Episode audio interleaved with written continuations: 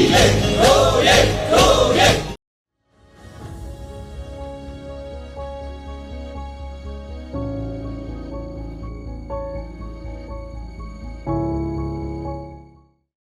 ြို့သမီးမာမိတ်ဖွဲ့မြန်မာ Women Advocacy Coalition မြန်မာ WACM က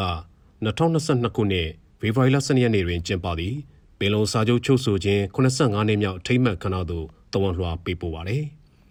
အဲ့ဒီတဝန်လွှာအပြည့်စုံမှာလွတ်လပ်ရေးတမိုင်းတွင် လွန်စွာအရေးပါသည့်တမိုင်းဝင်ပင်လုံစာချုပ်အားချုပ်ဆိုခဲ့သည်မှာ2022ခုနှစ်ဖေဖော်ဝါရီလ12ရက်နေ့တွင်85နှစ်တိုင်ခဲ့ပြီဖြစ်ပါသည်။ကေဆက်ဆက်မှအစိုးရများမှနှစ်ပေါင်း85နှစ်ကြာသည့်တိုင်ပင်လုံကလေးကူအများကိုမဖော်ဆောင်နိုင်ခြင်း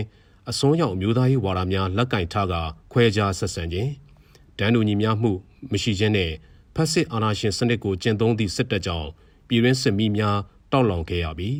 တိုင်းသူပြည်သားလူမျိုးစုများသည်ဒန်းတူညီမျှအခွင့်အရေးများဆုံးရှုံးခဲ့ရသည်2021ခုနှစ်ຫນွေဦးတော်လှန်ရေးသည်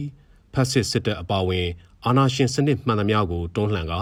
ဒန်းတူညီများရေးကိုအလေးပေးသည့် Federal Democracy ပြည်ထောင်စုကိုတည်ဆောက်နိုင်ရန်တွန်းလှန်နေခြင်းဖြစ်သောကြောင့်မိမိတို့အမျိုးသမီးမဟာမိတ်မြန်မာအဖွဲ့မှ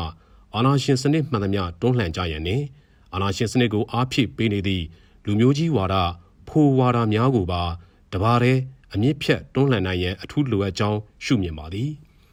အမျိုးသားညီညွတ်ရေးအစိုးရနေဖြင့်ပင်လုံကတိကွကိုတံမိုးထားလျက်စစ်အာဏာရှင်အပါအဝင် အာဏာရှင်စနစ်မှန်သမျှခြုံငင်းရန်နှင့် gender ဒန်းတူညီမျှရေးအပါအဝင် လူမျိုးစုဒန်းတူညီမျှရေးလူနည်းစုနှင့်ထိခိုက်လွယ်သူများလိန်စိတ်ခံယူမှုကွဲပြားသူများမတန်ဆွမ်းသူများ အားလုံးပါဝင်နိုင်သည့် Federal Democracy ပြည်ထောင်စုကိုတည်ဆောက်နိုင်ရန်နှင့်လူမှုတရားမျှတမှုတို့ကိုဖော်ဆောင်ပေးနိုင်မှရန်မိမိတို့မှအလေးအနက်တိုက်တွန်းအပ်ပါသည်မိမိတို့အဖွဲ့မှလည်းအာဏာရှင်စနစ်မှန်သမျှနှင့်အကြမ်းဖက်မှုမှန်သမျှကိုစန့်ကျင်ရင်းလွတ်လပ်ခြင်းတရားမျှတခြင်းဒဏ်တို့ညီများခြင်းတို့ကိုအခြေခံပြီးဘီလုံဂရီကိုများကိုဖော်ဆောင်နိုင်မည် Federal Democracy ပြည်ထောင်စုတည်ဆောက်နိုင်ရေးအတွက် Gender ဒန်းတူညီမျှရေးဆိုင်ရာရှုထောင့်မှတတတအားပါဝင်သွားမည်ဖြစ်ပါကြောင်း တော်လှန်ရေးသစ္စာဖြင့်ကတိပြုလျက်ဤသွန်လွှာကို ပေးပို့အပ်ပါသည်ဒန်းတူရေးကို ရှေးရှုချီ Federal Democracy ပြည်ထောင်စုစီအရေးတော်ပုံမုတ်ချအောင်ကိုအောင်ရမည် WAC မြန်မာဟုဖော်ပြပါရှိပါတယ်ခင်ဗျာ